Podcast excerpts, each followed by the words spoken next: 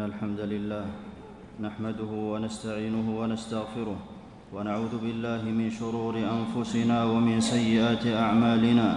من يهده الله فلا مضل له ومن يضلل فلا هادي له.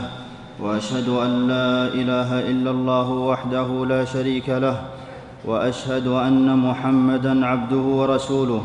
صلى الله عليه وعلى آله وأصحابه وسلم تسليما كثيرا.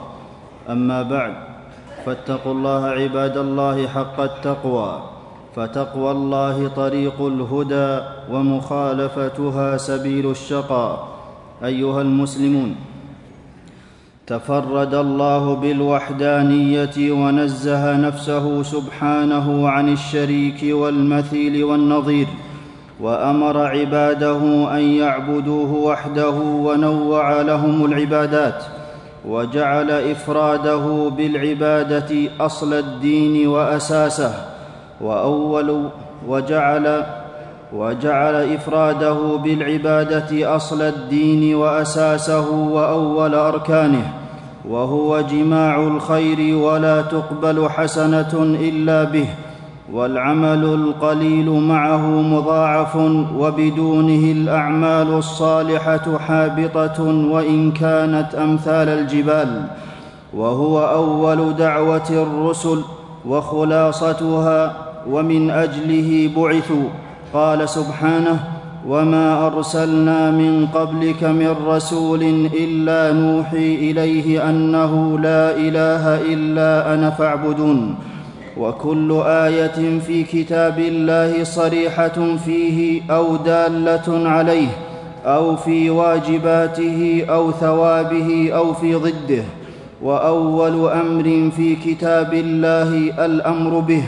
قال عز وجل يا أيها الناس اعبدوا ربكم أي وحدوه وفي كل صلاة يعاهد المسلم ربه على القيام به. إياك نعبد أي لا نعبد سواك وإياك نستعين. وهو حق الله على عباده وأول واجب عليهم من التكاليف. قال عليه الصلاة والسلام لمعاذ رضي الله عنه فليكن أول ما تدعوهم إليه عبادة الله. متفق عليه.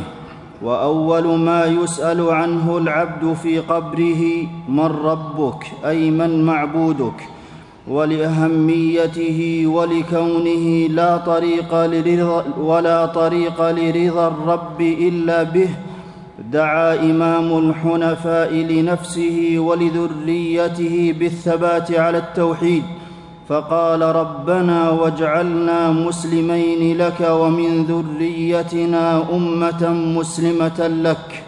ودعا يوسف عليه السلام ربه فقال توفني مسلما وألحقني بالصالحين. ومن دعاء نبينا صلى الله عليه وسلم يا مقلب القلوب ثبت قلبي على دينك. رواه مسلم. وهو وصية المرسلين. ووصى بها إبراهيم بنيه ويعقوب يا بني إن الله اصطفى لكم الدين فلا تموتن إلا وأنتم مسلمون. ونهج الرسل تعليمه لأولادهم وسؤالهم عنه وهم في سكرات الموت. قال تعالى أم كنتم شهداء إذ حضر يعقوب الموت؟ إذ قال لبنيه ما تعبدون من بعدي؟ قالوا نعبد إلهك وإله آبائك إبراهيم وإسماعيل وإسحاق إلها واحدا ونحن له مسلمون.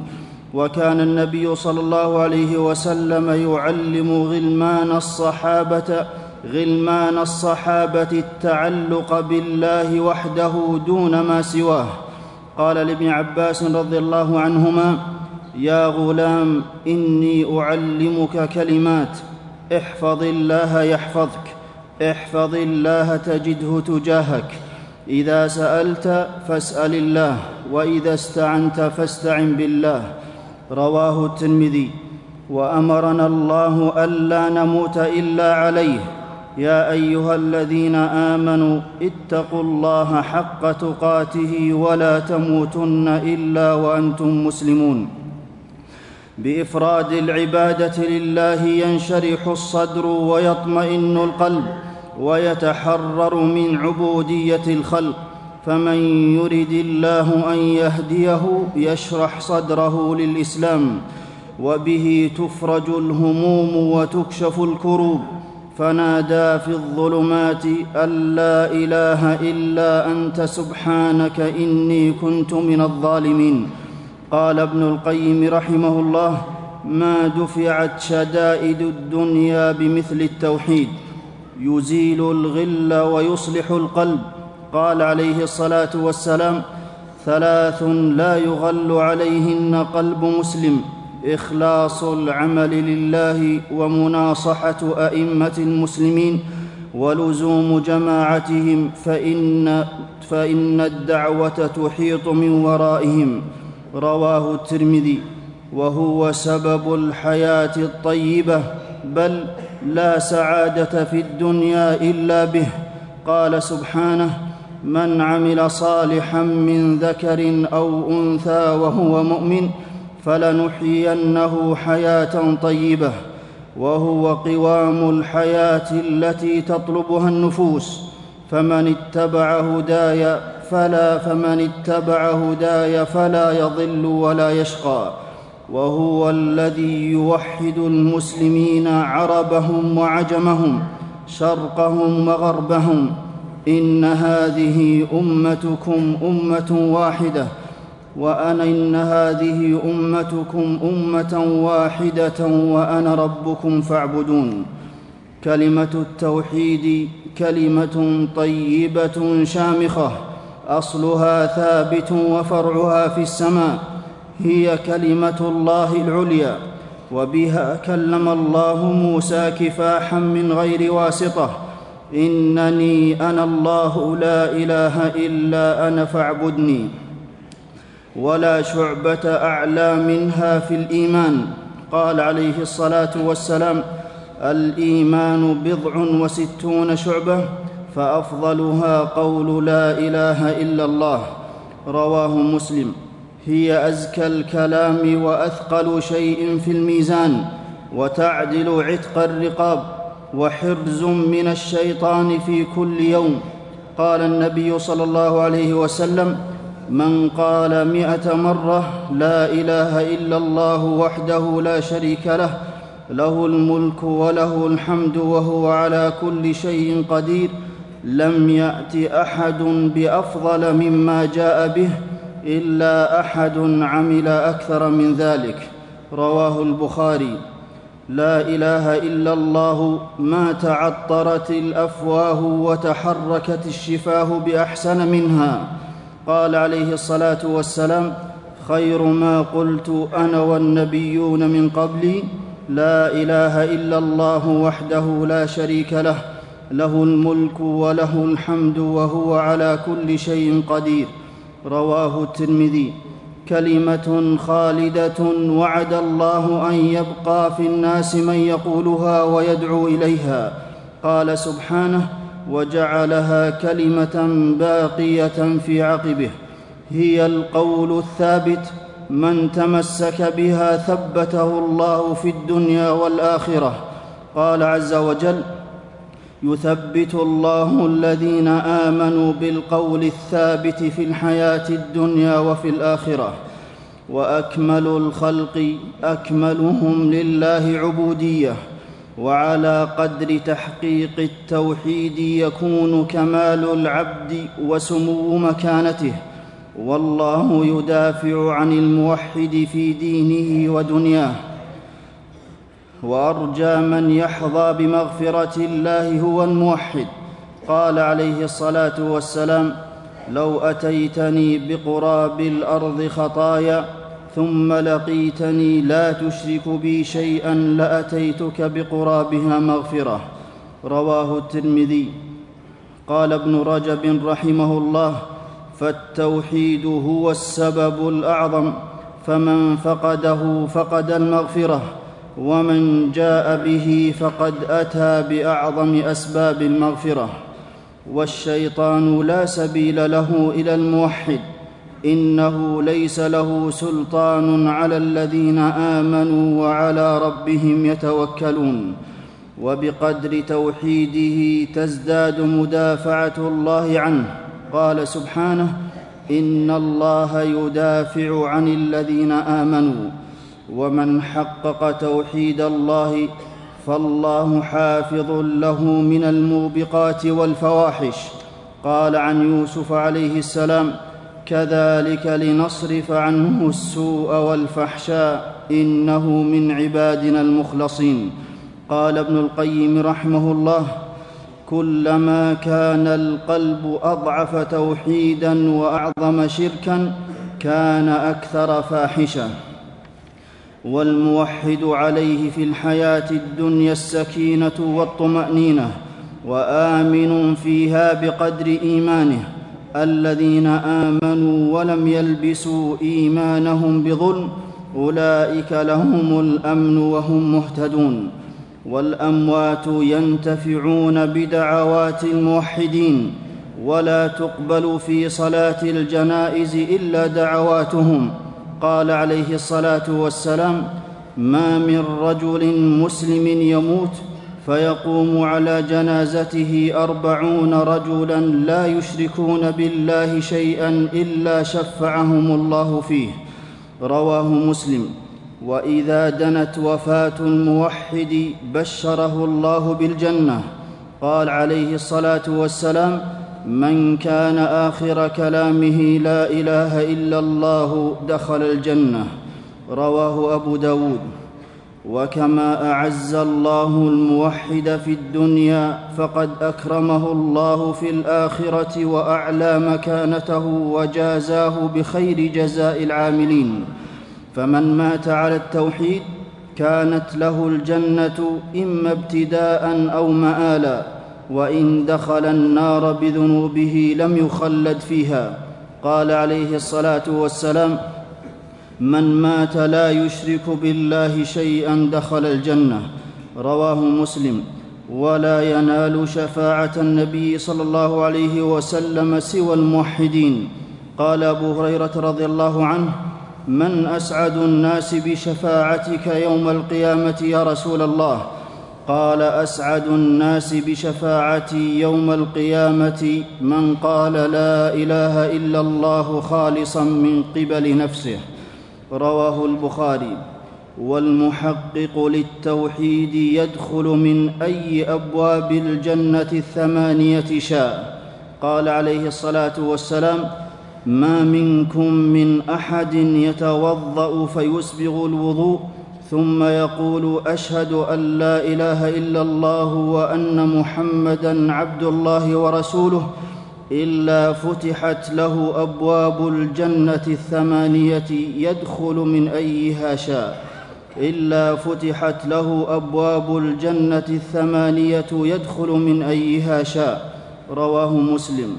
قال ابن القيم رحمه الله كلما كان توحيد العبد أعظم كانت مغفرة الله له أتم. فمن لقيه لا يشرك به شيئا البتة غفر له ذنوبه كلها ويدخل الجنة سبعون ألفا بغير حساب كلهم من أهل التوحيد. قال عليه الصلاة والسلام هم الذين لا يسترقون ولا يتطيرون ولا يكتوون وعلى ربهم يتوكلون. متفق عليه. وبعد أيها المسلمون فالتوحيد أغلى ما يملك المسلم ومن هداه الله إليه فليعض عليه بالنواجذ وليصنه مما يناقضه مما يناقضه أو يقدح أو يقدح فيه أو ينقصه.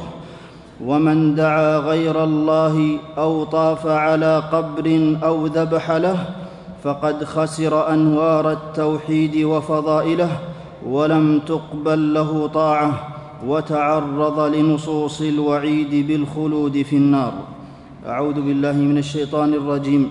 قل إنما أنا بشر مثلكم يوحى إلي أنما إلهكم إله واحد.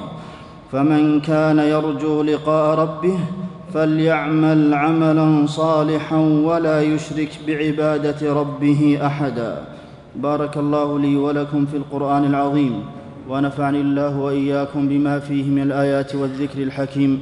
أقول ما تسمعون وأستغفر الله لي ولكم ولجميع المسلمين من كل ذنب فاستغفروه إنه هو الغفور الرحيم.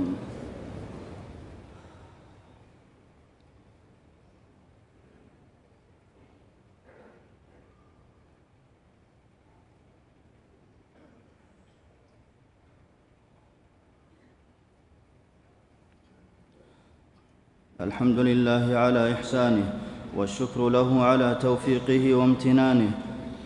وأشهد أن لا إله إلا الله وحده لا شريك له تعظيما لشأنه. وأشهد أن نبينا محمدا عبده ورسوله صلى الله عليه وعلى آله وأصحابه وسلم تسليما مزيدا. أيها المسلمون التوحيد منة من الله عظيمة. يهبها لمن يشاء من عباده وعلى المسلم أن يسعى لتحقيقه في نفسه وذريته والأقربين من أهله ومن جميع الناس. ومن شكر نعمة التوحيد دعوة الخلق إليه والتحذير من كل آفة تنافي أصله أو كماله. ومن وسائل الثبات عليه دعاء الله بالثبات والبعد عن, عن البدع والشبهات والشهوات والإكثار من الطاعات والتزود من علوم الشريعة وسؤال العلماء الربانيين عما يشكل منها. ثم اعلموا أن الله أمركم بالصلاة والسلام على نبيه فقال في محكم التنزيل إن الله وملائكته يصلون على النبي يا أيها الذين آمنوا صلوا عليه وسلموا تسليما. اللهم صل وسلم على نبينا محمد. وارض اللهم عن خلفائه الراشدين الذين قضوا بالحق وبه كانوا يعدلون. أبي بكر وعمر وعثمان وعلي وعن سائر الصحابة أجمعين. وعنا معهم بجودك وكرمك يا أكرم الأكرمين. اللهم أعز الإسلام والمسلمين. وأذل الشرك والمشركين ودمر أعداء الدين واجعل اللهم هذا البلد آمنا مطمئنا رخاء وسائر بلاد المسلمين. اللهم إنا نسألك الإخلاص في القول والعمل. اللهم أحينا مسلمين وتوفنا, وتوفنا مسلمين وألحقنا بالصالحين غير خزايا ولا مفتونين. اللهم إنا نسألك الجنة وما قرب إليها من قول أو عمل ونعوذ بك اللهم من النار وما قرب إليها من قول أو عمل. اللهم انصر من نصر الدين واخذل من خذل عبادك الموحدين. اللهم وأبرم لهذه الأمة أمر رشد يعز فيه أهل طاعتك ويذل فيه أهل معصيتك ويؤمر فيه بالمعروف وينهى فيه عن المنكر. اللهم وفق إمامنا لهداك واجعل عمله في رضاك ووفق جميع ولاة أمور المسلمين للعمل بكتابك وتحكيم شرعك يا رب العالمين. اللهم أصلح أحوال المسلمين اللهم أصلح أحوال المسلمين اللهم وادر دوائر السوء على عدوك وعدوهم يا رب العالمين. عباد الله إن الله يأمر بالعدل والإحسان وإيتاء ذي القربى. وينهى عن الفحشاء والمنكر والبغي يعظكم لعلكم تذكرون. فاذكروا الله العظيم الجليل يذكركم واشكروه على آلائه ونعمه يزدكم. ولذكر الله أكبر والله يعلم ما تصنعون.